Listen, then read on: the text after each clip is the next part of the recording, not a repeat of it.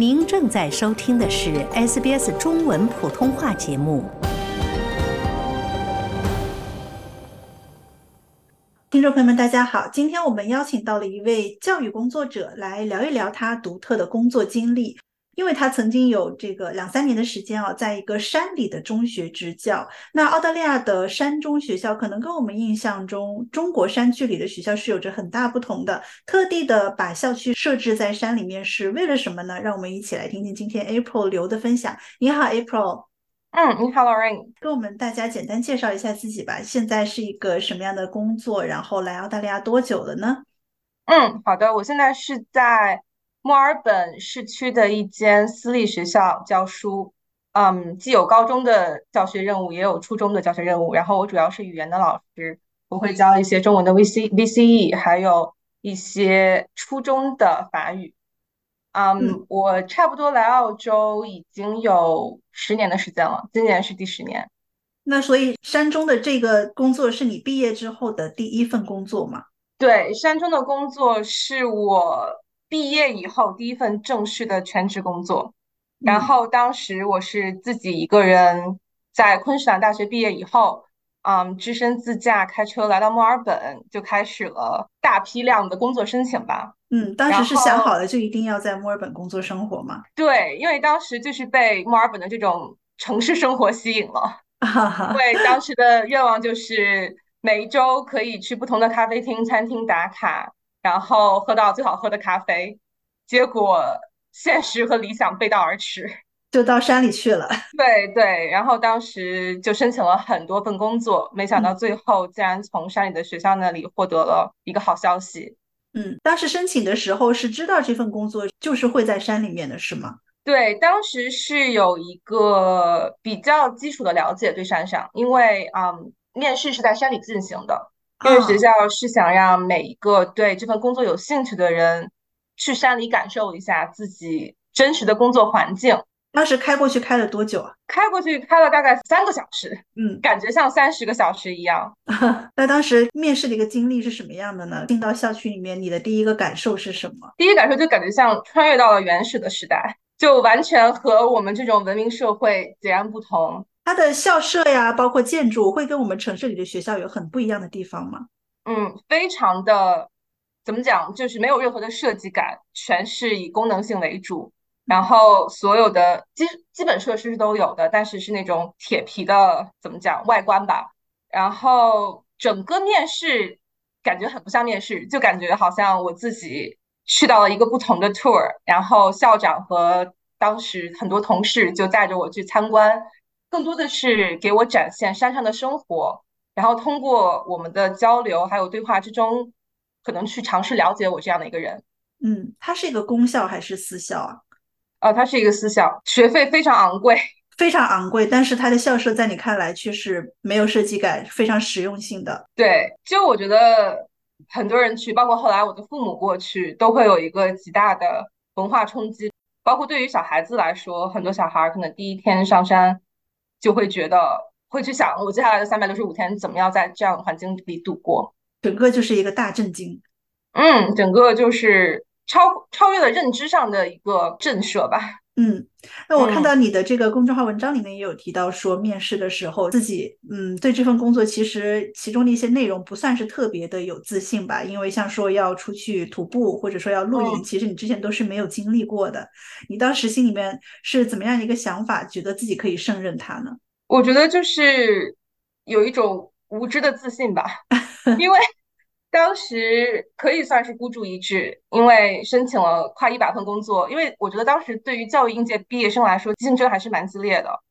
收到这个工作的邀请，冥冥之中我觉得是一个召唤，然后就没有多想，就想急于的接受这个 offer。嗯嗯，当时就是对自己的感觉就是好胆就上，因为不知道没有经历过，或者是对这个东西完全没有理解，所以不知道。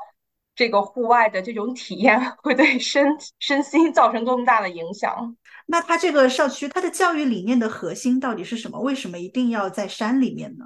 这个问题，我当时在山上和小孩一起徒步吃苦的时候，他们总会问我这个问题。他就说：“为什么我的父母要花重资让我来忍受这些痛苦。然后我当时就会开玩笑的跟他们讲说，可能是因为你的父母让你以后会更快乐。所以我觉得通过我这三年的一个沉浸式的体验，我就彻底感受到了学校官网上只是说的这样的一句话。我觉得可能就是借助户外教育的这种方式，让青少年去体验一切的可能、可能的挑战，然后帮他们认识到自我的这种力量，然后并且带着这种力量去应对以后人生可能遇到的种种困难。在网站上有这样的一句话，他就说：“嗯，There is more in us than we know。”直译就是我们可能比自己想象的要更厉害。但是它后面有一句前提是说。If we can perhaps be made to say it，如果我们被提供这种机会，可能我觉得这种这种教育模式对我来说是非常必要的。因为作为九零后，包括我现在教的学生，可能都是零零后，我们可能在别人的眼里觉得我们生活在一个最幸福的时代，我们想要的一切都唾手可得。但是我觉得我们的幸福感并没有随着社会和科技的发展与日俱增。所以说，我们可能因为这样的出场设置，总会把。自己和别人去进行比较，或者是说去想要更多的东西，但是归根到底，我觉得我们是对自己没有认知，或者没有足够正确的认知。所以说，山山的教育是通过这样的一个模式，去让小孩子知道，我通过自己的力量可以完成怎样的挑战。嗯。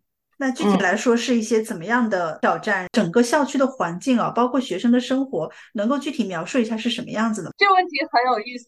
其实我们在山上是有两套生活的，首先是在山里的校区的生活，然后另外的一套生活体系就是野营，是要自己去自给自足。我先来说一下校园里的生活吧。首先地理位置就比较与世隔绝，嗯，离最近的镇要二十公里的。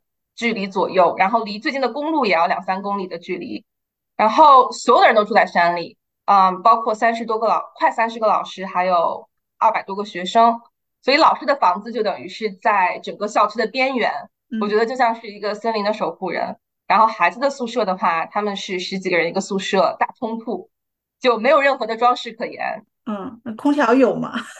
哦，这个问题很好，学校是和一切的科技设备是绝缘的。所以空调已经算很奢侈的设备了。冬夏的这个温度控制要怎么样去做呢？现在的话，因为在山上非常非常的冷，嗯，就是靠烧柴火。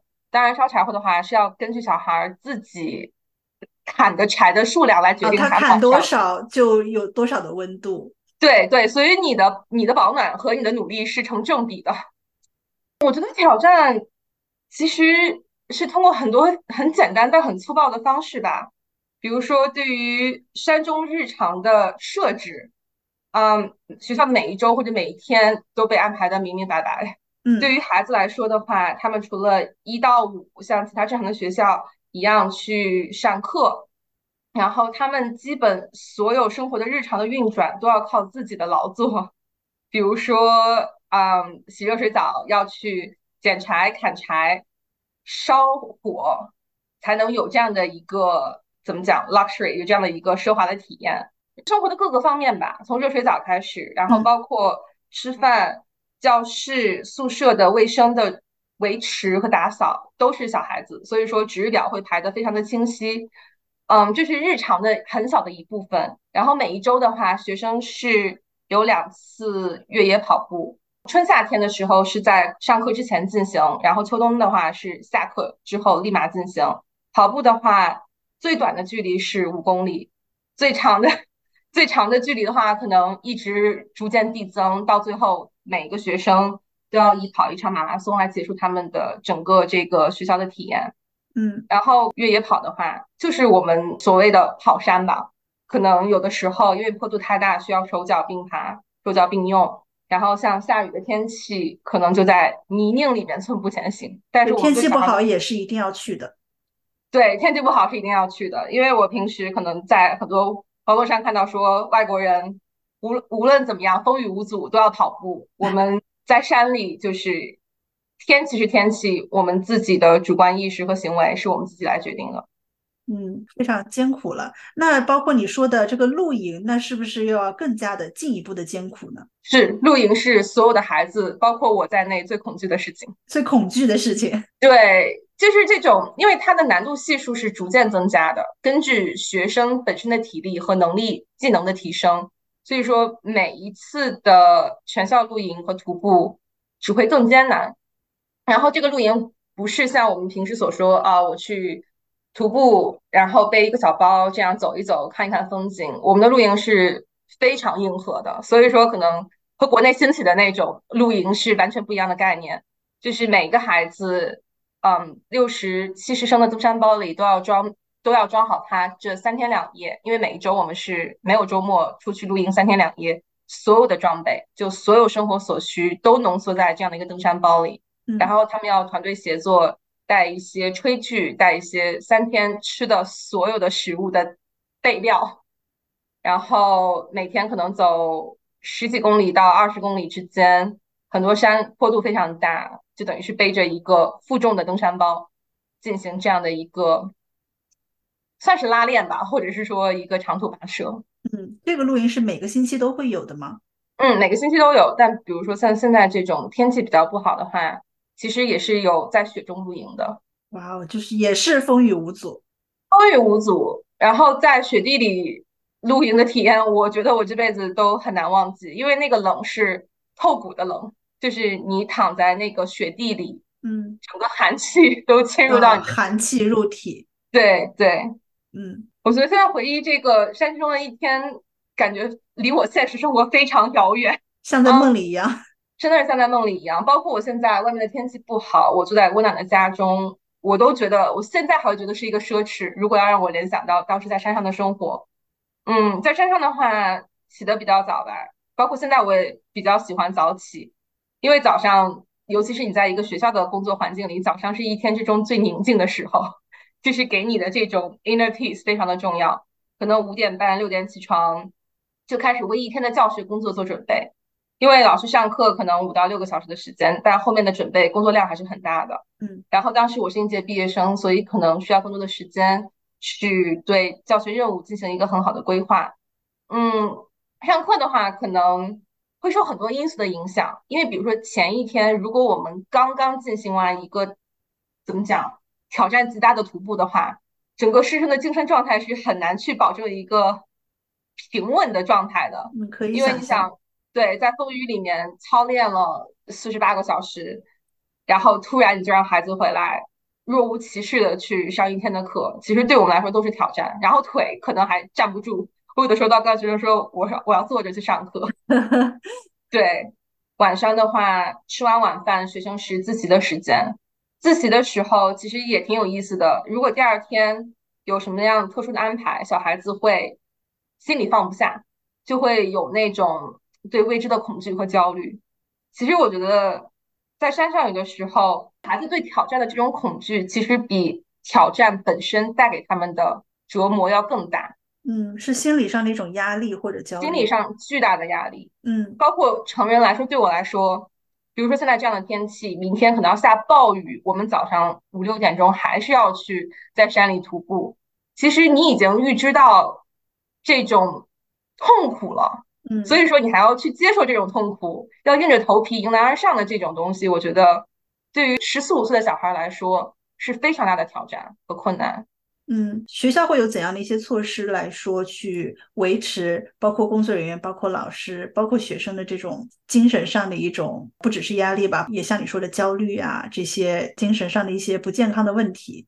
我觉得对于小孩子来说，他可以从老师的身上，或者老师会主动去给他提供很多的精神支持。嗯嗯，包括一对一的谈话，包括是一些咨询，心理上的咨询。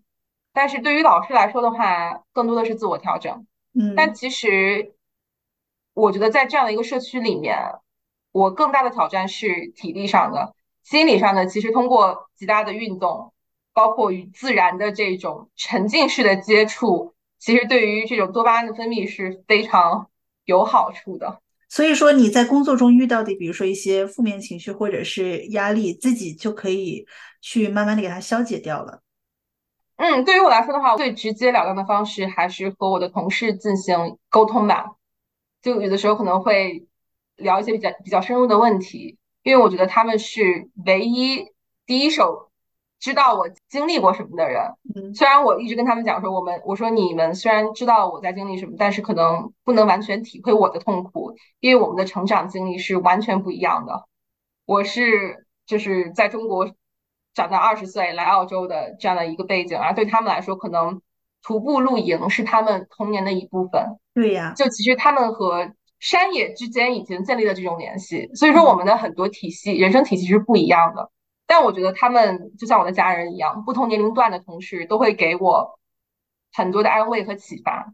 嗯所以我觉得这也是我为什么能在山里坚持三年的原因，因为它就是这样的一个集体的概念，一个社区，一个社区的归属感吧，对我来说。嗯，就大家嗯互相帮助，互相来说消解对方的一些压力，然后让这个整个社区是一个以健康的一个方式来去运转的。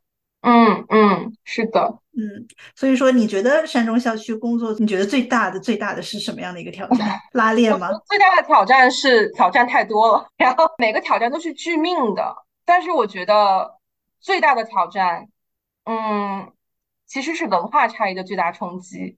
然后这种冲击是超越我的认知和过去二十年打造的一个体系的。这等于是因为，嗯，不仅是中澳文化的不同吧，因为其实生活上，可能我们在海外生活了很久，我们知道说中国人和澳洲人很多生活理念是不一样的。嗯但其实山里的体系又和澳洲的城市也是不一样的，因为在山里的认知下，可能，嗯，这种天气我跑个二三十公里是正常的，而且跑完以后，我要接着第二天若无其事的备课上课，然后去履行我的职责。包括小孩子也是，可能我经历了这样的一个大的身体的折磨，但是我还要继续保证我的生活的运转。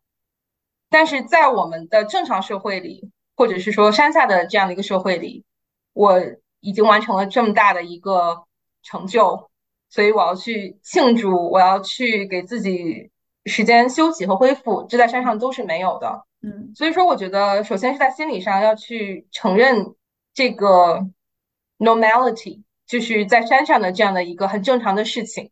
但是在山下的人，大家就不会理解说我们怎么能把这样的一个模式作为我们平时生活的体系。嗯所以说，可能我是游走在三个不同的世界之间。嗯，那你觉得这三种体系，你会在这之间被拉扯吗？你觉得，还是说你你会需要说把其中的一个作为自己一个主体系，让自己维持一个稳定的状态？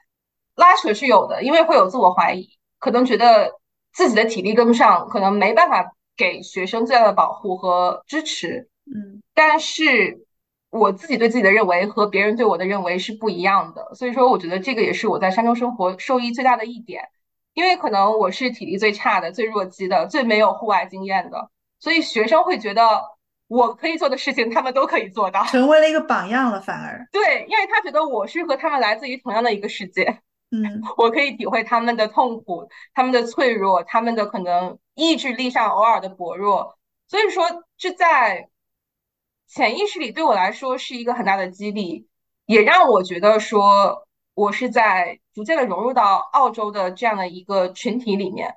这对于当时作为一个刚刚大学毕业的留嗯留学生来说是非常重要的。嗯因为其实你是在一定程度上给别人的力量，而这种力量恰恰是来源于你的脆弱和你的自我怀疑。我觉得这个东西是很神奇的，因为这种成就感，可能也是你的一个动力来说，去激励自己去继续坚持下去。对对，是一个身份对自己的身份认同和一个身份的转变吧，从学生到老师，然后从留学生到澳洲山村里的一个村民。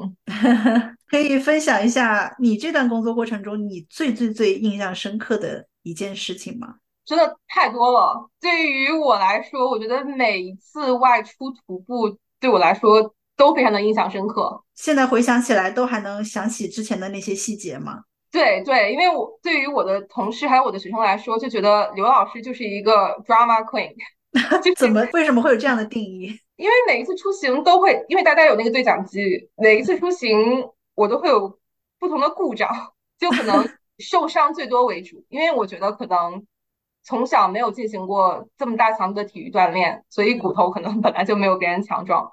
嗯，有的时候可能被绊一脚，嗯，就崴脚了，然后可能就是尾骨可能就近乎就是快断了，可能就像这种大大小小的状况是比较多的。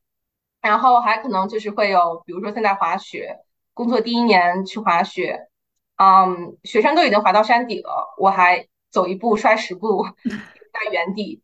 其实那些场景，或者是说在徒步的时候，学生踩了马蜂窝，我被马蜂蛰得遍体鳞伤，就其实这些听起来就是感觉是很搞笑的事情，但其实我觉得当时的那种哭笑不得是让我很记忆深刻的。嗯嗯，对我来说，可能另一个挑战是你无法很好的控制自己的情绪，因为在山上的这个设置下，人的很多面都被看到了。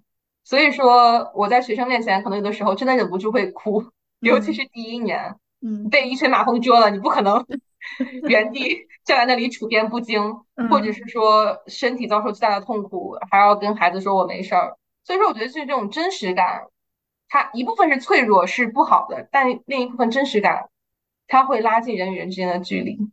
最深刻的一点是在我结束第一年工作，送走第一批学生的时候。我收到了小孩最多的来信，就是他们可以给学校的老师也好、员工也好写一封信，嗯，然后我收到了很多小孩的来信，都说是因为我让他们可以在山里坚持那么久，或者是说可以让他们在山里这么痛苦的环境下可以感到感受到快乐。我觉得这个让我当时特别的感动，因为可能你觉得你自己是最不行的人，但是在他们眼里，可能你就是他们的那一束 来自城市的光。对，或者很像说陪着他们一起在成长，一起在打怪升级的这样一个人，会让他们觉得有更加多一份的亲近感。嗯，对对。然后我就会觉得说，教育其实是一个生态系统，其实在这个生态系统里面的每一个人都在不停的成长，都在去影响彼此。嗯，我可能在普通的学校的话，老师是一个比较居高临下的一个状态吧，我去授课，学生去接受。但是在山上，因为你遇到的困难困难重重，所以说你和学生的这之间的这种关系也会产生很多的变化。你大家是互相帮助、互相支持的一个状态。那你觉得你在山中校区教书和生活的这么多年，从中最让你觉得获益的一点是什么呢？只能说一点了，给你三点。好，三点，三点可以。我觉得第一个就是建立了我的。一个人生的基本体系和一个比较稳定的内核，就是我在现在的生活和工作中做事的方法，可能做事的秩序感，包括可能出去旅行遇到很多问题，都是是有一个规则在里面的，就会做规划了，做规划，super organize，但是会嗯 prioritize，就是任何的事情都有优先级。嗯，因为可能在山上的话，生存是一切，我要为生存让步，所以说我在工作生活中可能会是一个比较高效能的人，会删繁就简吧。因为在山上，我所有的生活可以浓缩到一个登山包里，所以我可以知道说什么东西对我是最重要的。然后在我山下的生活，我在做每件事情的时候，虽然脑子里会迸发很多的想法，但可能最后的决定是根据这件事情。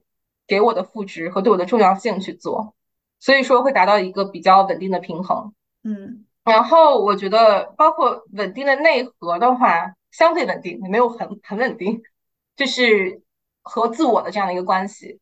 因为其实，在山上来说是非常孤独的。我说的孤独，不是说你没有人的陪伴，但其实你就是自己一个人在去经历一切，去应对一切。